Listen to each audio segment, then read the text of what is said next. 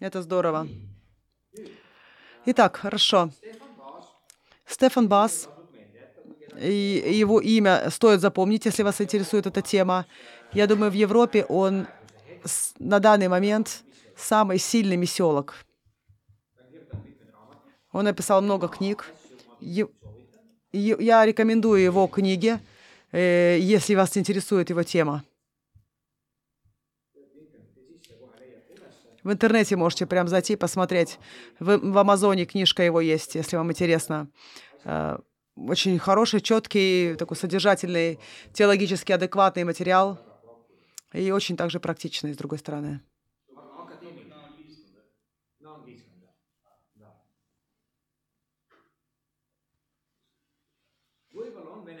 Может быть, на русском тоже есть. Я не знаю, надо посмотреть.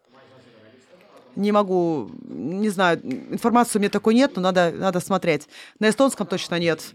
Но он, это, это академическая литература. Но очень на простом языке. Сам он голландец. Э, поэтому можно читать на его английском языке. Нормально, все хорошо написано. И он говорит о некоторых Э, он, он э, говорит о различиях новых церквей и äh, старых церквей. Ma ei tea, kas Ago lülitas välja tele, selle mikri või ta ei lülita tavaliselt välja, mis ta, see väike mikker. И он говорит, первый пункт – это место расположения. Новые церкви обычно основываются там, где есть люди где растут люди. В то же самое время старые церкви находятся там, где, где э, стабильное народонаселение или количество людей живет, или даже меньше.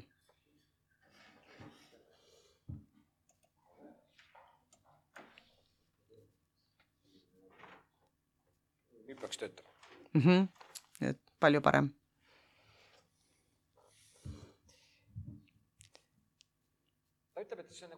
И он говорит это как тренд. И это характеризует как то, что характеризует новые церкви. То есть они основывают там, где, э, где растет народонаселение. Это не значит, что старые церкви теперь посреди леса находятся. Нет, просто старые церкви в основном находятся в таких местах, где нет больше людей, где люди не растет. То есть первое — это место расположения. Второе — миссиональный фокус в церкви.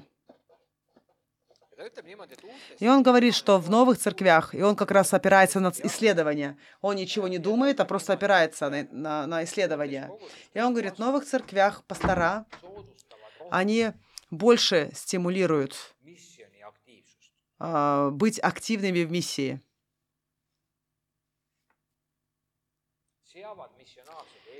Они ставят миссиональные цели и готовы платить цену для того, чтобы достичь людей.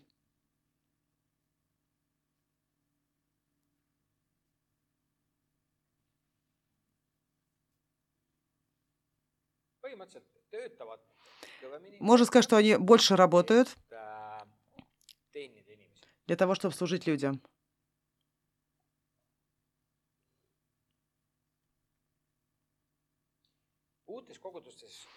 В новых церквях миссиональный фокус более четкий и ясный, чем в старых церквях. Это не значит такие, что это абсолют, да, но тренд э, такой. И третий, в новых церквях пастора своей личностью, своими качествами, они больше э, как бизнесмены, как больше предприниматели.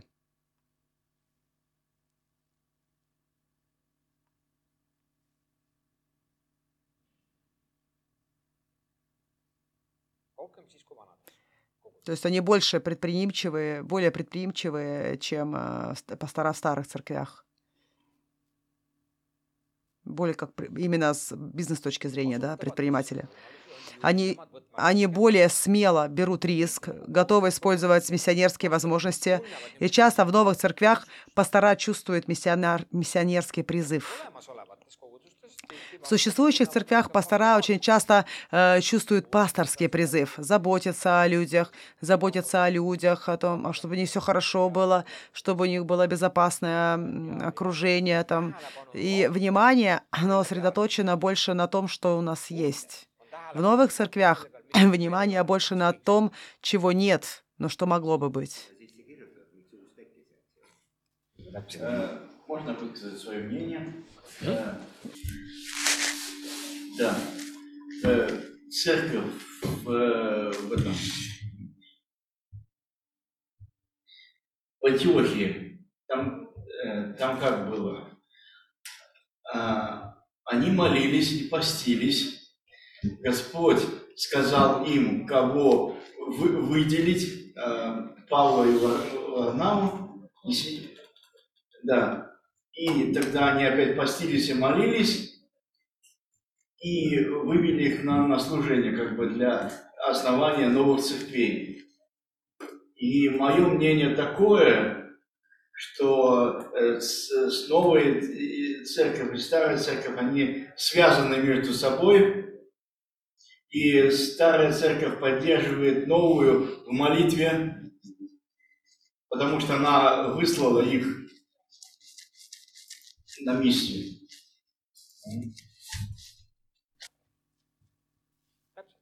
Да, точно. Это не значит, что старая церковь плохая. Это не значит, что старая неправильная. Если такое отношение даже и будет, это уже неправильно. Это ну, ничего хорошему не приведет.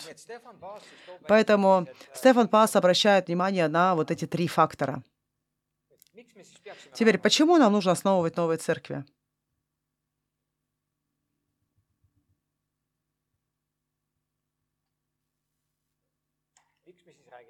Почему мы говорим об основании церквей? Основание церквей является лучшим методом евангелизма. Это, конечно же, утверждение, э, о котором можно поспорить, и это нельзя черно-бело принимать. Но это утверждение опирается на на одну ключевую фигуру э, по росту церкви, Питер Вагнер. Питер Вагнер, он говорил это в конце 80-х годах прошлого века, 30 лет назад. И он говорил, что это самый лучший метод для евангелизма. Стефан Бас, тот, тот а, который из Амстендар, а, Амстердама, да, профессор миссиологии, он говорит, что у этого, есть, у этого утверждения есть слабые стороны. И не просто это доказать. Но что можно сказать? Что новые церкви, они более евангельские, чем другие, потому что им надо это делать. Они должны выживать. Единственное, как они могут выжить, это делать миссию. Иначе они не выживут. Правильно? Почему нам нужно основывать церкви? В любом случае, э, что это э, однозначно, что это, конечно, метод евангелизма. Когда мы начали пятидесятческой церкви, нашей основой церкви, люди приходили ко мне и говорили, «А зачем нам вообще основывать церкви? Если бы у нас пробуждение было, я понимаю, тогда можно было бы основывать. Но пробуждения нет, нам не надо новой церкви основывать. И я тогда подумал, ага, хорошо. Э, то, как я думаю, это совершенно противоположно. Конечно, если пробуждение есть, то нам нужно этих людей куда-то пристраивать. Но у нас нет пробуждения, неужели у Павла было пробуждение маленькой, в Малой Азии, когда он ходил основой церкви? Не было пробуждения там никакого. Он пошел и основывал миссионерские маленькие такие э, сообщества, группы. И после этого начался рост. Поэтому основание церквей как метод миссии, он эффективен.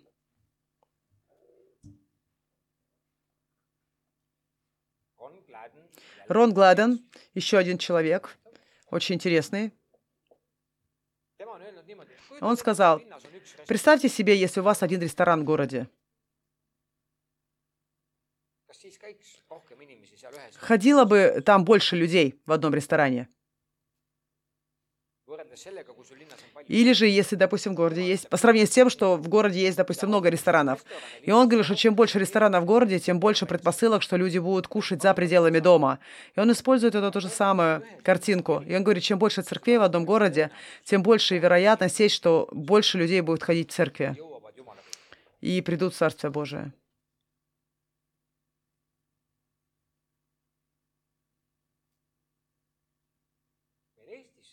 В Эстонии у нас не так много всего этого, но я удивился, когда люди были на Западе, они говорили, ой, ну надо же, на одной улице э, церковь, тут на другой улице тоже церковь, еще на третьей тоже церковь, и друг другу они не мешают. Они не, не раздражают друг друга, не мешают друг другу, все делают свою работу, у всех есть свои люди, и все у них работает. Нас в Эстонии же немножко сложнее понять вот эту историю. Допустим, здесь, если бы у нас была бы э, через улицу а, еще одна гора, одна церковь, в Таллине, в принципе, мы уже мультикультурный, очень такой международный город, больше, больше у нас иностранцев. Здесь я вижу, что мы не мешаем друг другу. А если ты поедешь, допустим, маленький Хиюма, в Кайна, и если там парочку на одной улице церкви организуешь, то люди, скорее всего, у них, они не поймут, скажут, в смысле, что недостаточно, что у нас одна церковь на все Хиюма или, или как?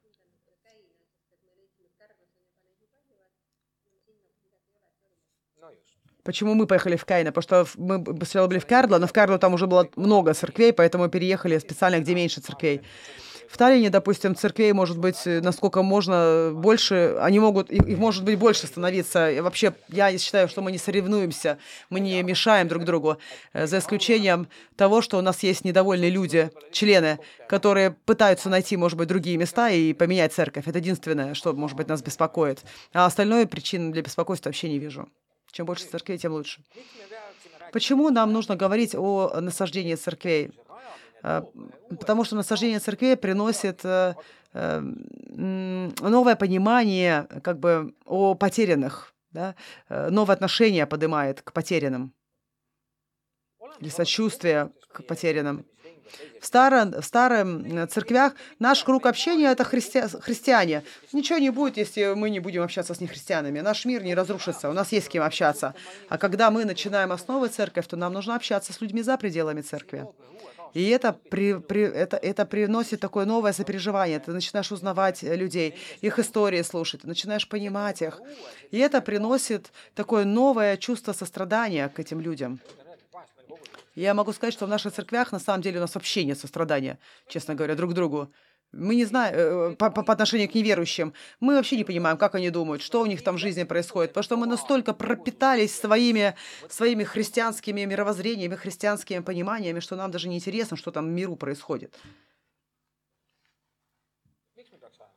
Почему нам нужно много, э, почему нам нужно церкви основывать? Потому что э, нам необходимо, раз, необходимо разного типа церкви. Что я подразумеваю под этим? Подразумеваю то, что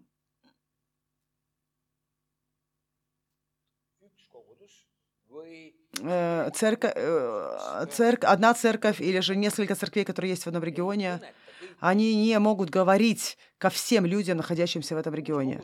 Новая церковь, она может из-под другого угла говорить к людям и достигать тех людей, которых другие церкви не могут достигнуть. Поэтому чем больше разного типа церквей у нас, тем, тем больше вероятность, что разного типа люди в обществе смогут прийти в эти церкви.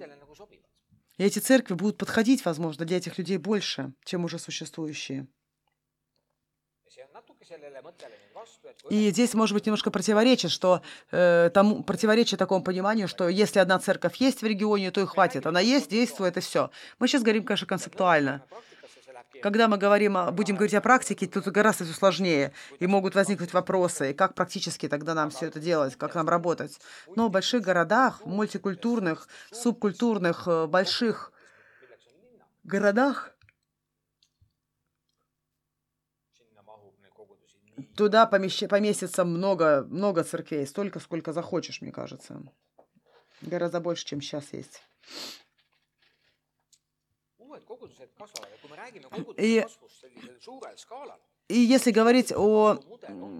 Э, э, то есть новые церкви, они растут быстрее, чем старые церкви.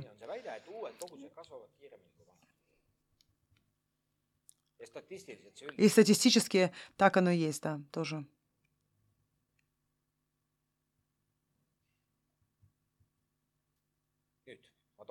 Хорошо. Хочу привнести еще один взгляд и и возьму это из, из, э, из фир, фир, фирм, из бизнеса. Фирмы, которые пытаются продать что-то своим клиентам, там молоко, крыпсики, там, что в, пи, в молоко кладут, или разные, разные продукты. Э, человек в маркетинге очень хорошо знает, что через какое-то время э, э, нужно менять упаковку для потребителя. Продукт остается тот же самый, а упаковка должна меняться. И если ты не будешь этого делать, то ты будешь отставать, потому что все меняют. Что хочу сказать? Что у новых церквей, у них, у них новая упаковка, она более аттрактивна. И они этим, этой упаковкой уже привлекают больше людей. И это их преимущество. Как, как в старой э, церкви держать вот эту упаковку э, свеженькой, да, то это уже выбор, это уже не так просто. В этом плане это также является причиной тому, того, что в новой церкви человек идет больше. Там другой запах, там более новый запах. Опять же, есть люди, которым не нравится новый запах. Они хотят старый запах, хотят традиционную, хотят спокойное, что бы там ни было. Поэтому в этом плане понятно, что вот это утверждение, оно двустороннее. Но в общем, э, современное общество, оно, оно работает таким образом, что многие люди следуют за упаковкой. Упаковкой. Упаковка продает. Тут не пройти ни, никак мимо этого.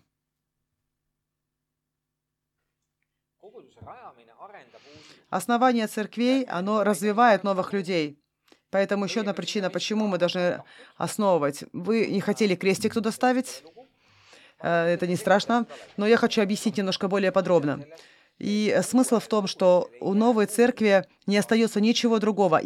она, она вынуждена людей, возможно, которые сидят в старой церкви просто на, на скамеечке, Новые же церкви всех людей применяют, э, все людей используют в служении, и потом из этих людей э, приходится взращивать лидеров. В старых церквях же там все вроде как устроено, да, там пасторы, команды, все работают, уже нормально. Поэтому в новых церквях команда это, это, это способ выживания. И служение — это способ выживания. Конечно, в старых церквях тоже эта тема есть, но не настолько э, такая главств, главенствующая, да, не, столько гла, не настолько главная.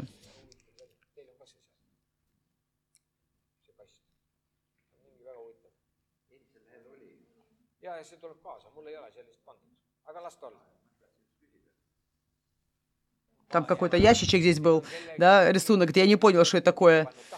Я, мне такого не было, не знаю, откуда он появляется. Хорошо, новые церкви стимулируют, стимулируют также и старые церкви. Это означает, что они воодушевляют, они инспирируют старые церкви. Хочу такой простой пример привести. Годы назад, 27-28 лет назад, я женился. Я заметил, что когда я женился, и когда я был влюбленный, и жена моя была влюбленная, не то, что она сейчас не влюбленная, но просто все это было такое свеженькое, все такое красивое. Я заметил, как то, как мы, мы были, мы повлияли на наших родителей даже. Я даже заметила, что они тоже какими-то другими стали. Влюбленных, на влюбленных приятно смотреть. Это так мило. Влюбленные, да, очень милые. И в этом плане это стимулирует также и других. Так? И в церкви то же самая история. Если одна новая церковь поднимается, если она идет, она делает, она достигает чего-то, она пробивает что-то там, это воодушевляет нас также, те, которые мы уже давно действовали и работали, служили. Опа, парочка выскочила. Основание церквей дает э, церкви э, новую жизнь и, и, и жизнеспособность. Это, знаете, рождение нового ребеночка, а, оно всегда при, приносит что-то, да, там много шума, много, много гамма, памперсы, там всякое такое. И там какая-то жизнь, там какая-то движуха, там есть что-то, что происходит. И очень часто э, как бы вот это рождение нового, оно заставляет и перетряхивает старое. И это интересно, что рождение новой жизни, оно запускает как будто бы что-то. И если и, когда кто-то начинает что-то новое делать, это такое, знаете, такое воодушевление приходит, какой-то шум поднимается. И это очень большой фактор, почему новое иногда бывает, идет дальше, чем старое. И напоследок, э, э, насаждение церквей помогает деноминации расти. Вот здесь, допустим, методистская церковь, она основывает новую, новую общину, и как, э, как результат деноминация растет. В общем. В Пятидесятнической церкви мы основали каждый год новую церковь. За 6-7 лет у нас было там 6-7 церквей основано. И, и сейчас 35 общин в Пятидесятнической церкви. И основание церквей, насаждение церквей помогает деноминации э, расти. Это является ли это единственной причиной, почему нужно основывать новые церкви? Нет, скорее всего. Но, тем не менее, оно такое, э, есть такое. Если, если церковь сама по себе основывает там, то она как бы это, это не влияет на деноминацию. То есть, э, если она вне деноминации, да, этот пункт как бы не является актуальным. А теперь?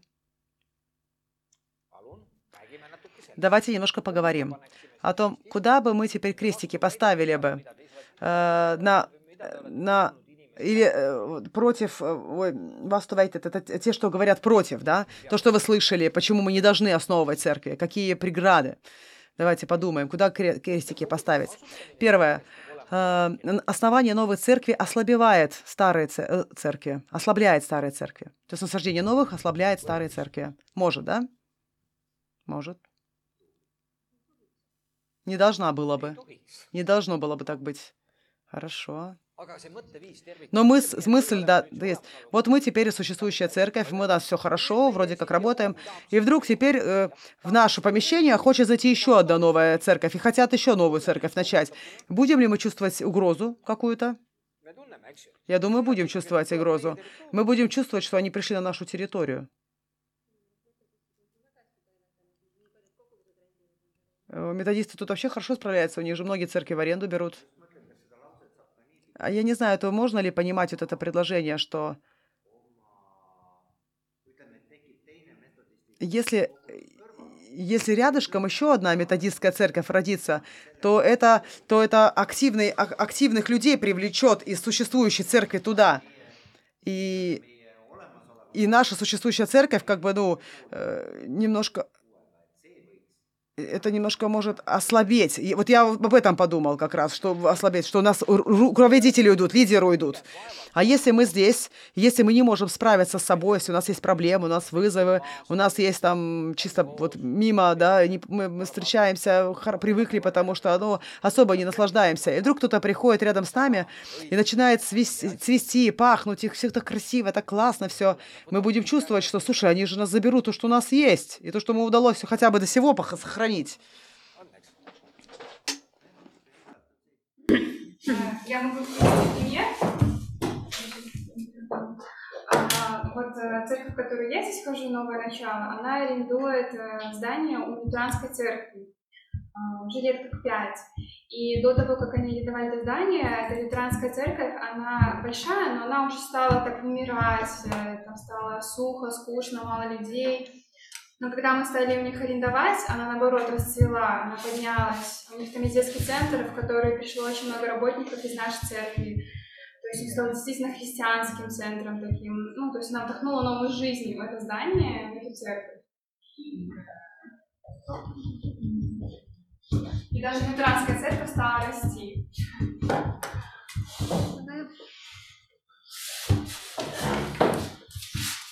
У меня такая мысль.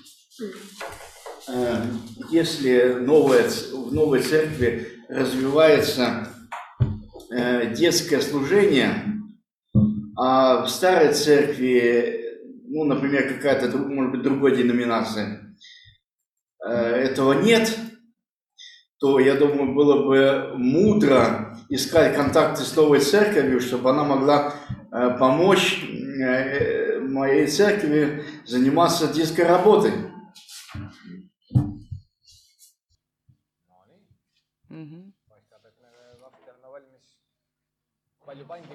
Так, думаю, что скоро мы станем более гибкими даже. Но у меня все-таки такая мысль, что мы зовем людей не в церковь, а в Царство Божие все-таки. Мне кажется, что это помогло бы нам преодолеть многие проблемы с тем, что кто-то придет и новую церковь будет насаждать. То есть, ну, а если у тебя если ты, если бы ты, у тебя проблема самой выжить, и вдруг у тебя заберут какого-то важного человека или важного работника, руководителя, и он уйдет, ты же чувствуешь угрозу. Пасторы сражаются, что и они хотят отдавать хороших людей, которые самому нужны. нужны. А заключается ли в этом миссио Дэй? Это уже отдельный вопрос, да? Ты свою вещь делаешь или свою? А в реальной жизни же действительно пастора переживают. Они же отвечают за то, чтобы церковь выжила. В Лихула у нас то же самое. Э, ну, все молодые, которые, которые, э, которых мы обучили, они приезжали потом в город и становились служителями в других церквях. Но, но мы, но мы понимаем, понимаем, что это Царствие Божие, как бы мы не делаем свое дело, мы же ведь общее, общее дело делаем все. В этом, то есть вы слышали такое утверждение, да, такое говорят, э, что, что новые церкви ослабляют старые церкви, да, но так не должно быть. Хорошо, следующее. Основание новых церквей дорого. Слышали такое утверждение? Основание новых церквей – это дорого. Это, это дорогая вещь. Нужно арендовать где-то, нужно, э, тебе нужно покупать что-то, тебе нужно тратить на что-то. Что-то будет стоить. Альфа-курс даже то же самое провести. Начинаешь проводить, это же тоже стоит. Деньги, ой, работа, питание точнее, да, продукты и все остальное. Третье. Мы можем потерять много людей. Есть угроза такая.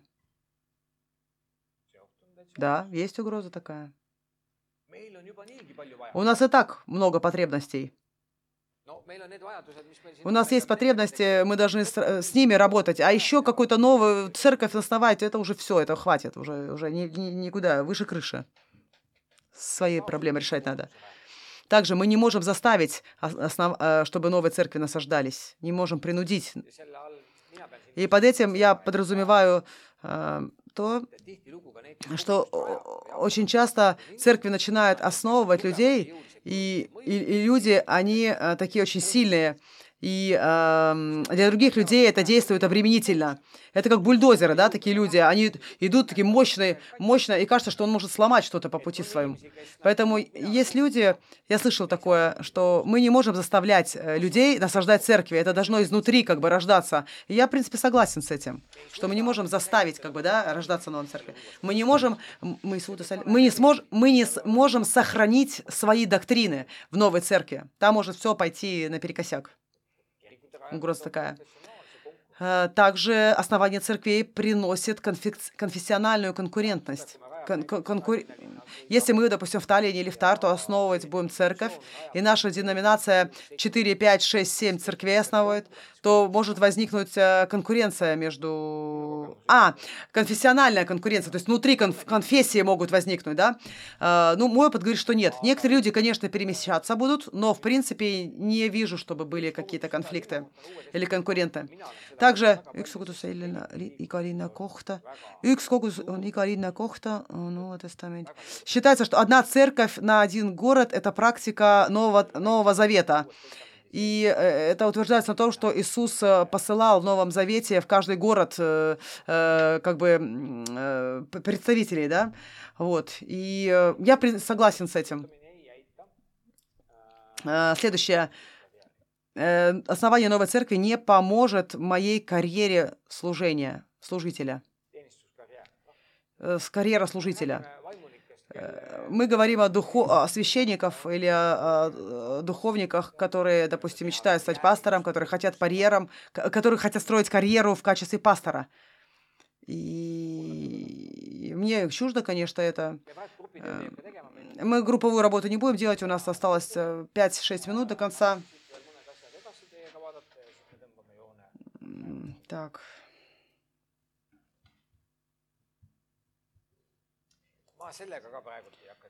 Хорошо.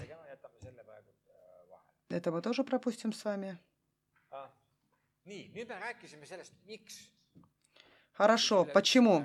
Почему вообще мы говорим о, рождении, о насаждении церкви? Мы говорим, что это должно взять начало в Боге. Мы говорили, да, что это исходит от Бога.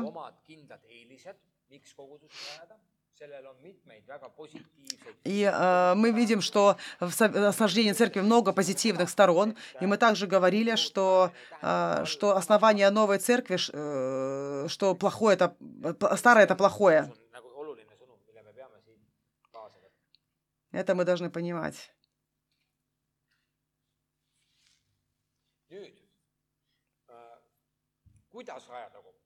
Как основывать, как основывать э, церкви? Если ты или кто-то сделал выбор, что мы начнем делать церковь, и у нас есть теологические другие какие-то моменты, почему... Э, то есть если у нас... В общем, следующий вопрос, который мы должны спросить, как? Может быть, вы уже думали об этом. А, ну, ну, у вас, вы знаете, да, что у вас вторая работа есть, это проект по насаждению церкви.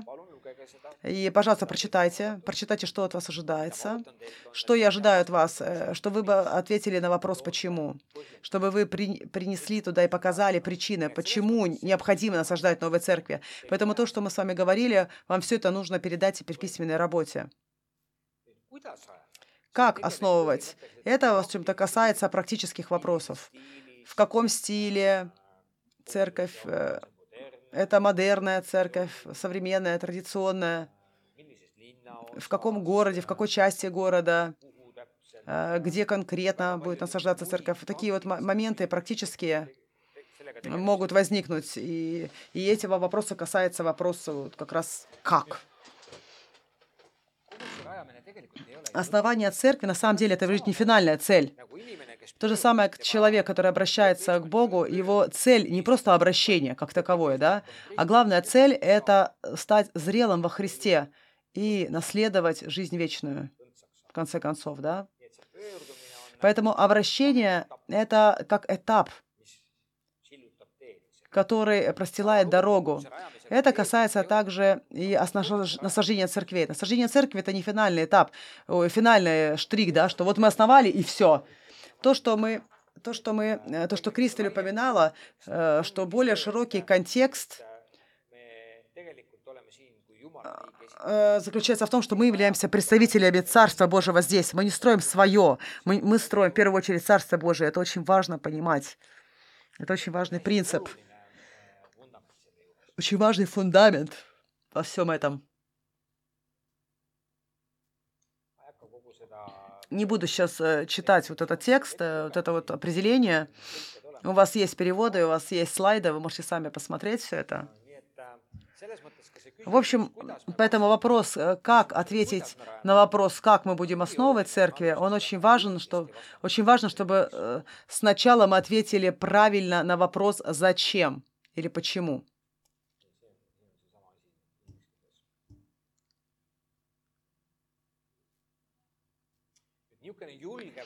Очень такое э, утверждение, смелое утверждение. Основание церквей – это главное проявление Божьей миссии в этом мире. И на этом утверждении, здесь я немножко хочу, на этом я хочу закончить, но, но сначала проиллюстрировав. Здесь, допустим, у нас существует э, церковь, уже существующая церковь. Здесь находится Бог и его миссия, которую он даровал церкви. И э, когда мы говорим о росте церкви, то мы говорим о росте, который происходит здесь. Этот рост, он происходит через, э, через то, что простирается рука, э, через то, что э, как бы через распространение. И мы говорим здесь сейчас миссиональной миссиона, миссиональном росте, что люди оттуда приходят сюда. Когда мы говорим об основании новой церкви, то, в принципе, мы говорим о, э, об одном миссионерском направлении. Допустим, здесь его напиш, э, нарисуем. И здесь цель – основать новую церковь. И вот эта новая церковь, которую мы сюда основ... будем основывать, это, это одно из проявлений э, миссионерских направлений. Но почему это важное самое направление? И э, почему это говорю? Хочу напомнить э, вот это яблоню. Яблоня и, и плод яблони – это не яблоко, а плод яблони – это другая яблоня. Цель, в, цель насаждения церквей – это распространять Царство Божие там, где, ее, где его еще нет. Потому что существующая церковь со своей миссией может достигнуть только вот, вот этого маленького, маленькой области. А основание церкви, оно выходит за пределы сферы влияния, вот, ближней сферы влияния. Поэтому Божья мысль Божья миссия заключается в том, чтобы сделать учениками все народы. И если здесь есть церковь, и эта церковь, она в свою в очередь начнет миссию совершать, и отсюда в один момент еще одна рождается э, новая церковь.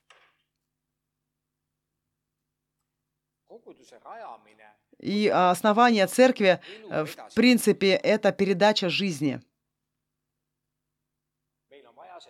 Нам нужна вот эта вещь для того, чтобы передавать жизнь. Нам нужно делать это, чтобы передавать жизнь. Без того, чтобы... И, и, конечно же, церковь, если она не здорова, она не сможет рожать, э, насаждать здоровую церковь. Но специалисты по насаждению церквей говорят, что новая церковь должна основывать новую церковь в течение трех первых лет после насаждения, после рождения да, своего. Некоторых брови поднимаются. В смысле, что это такое? Как такое может быть? Настолько быстро, насколько возможно.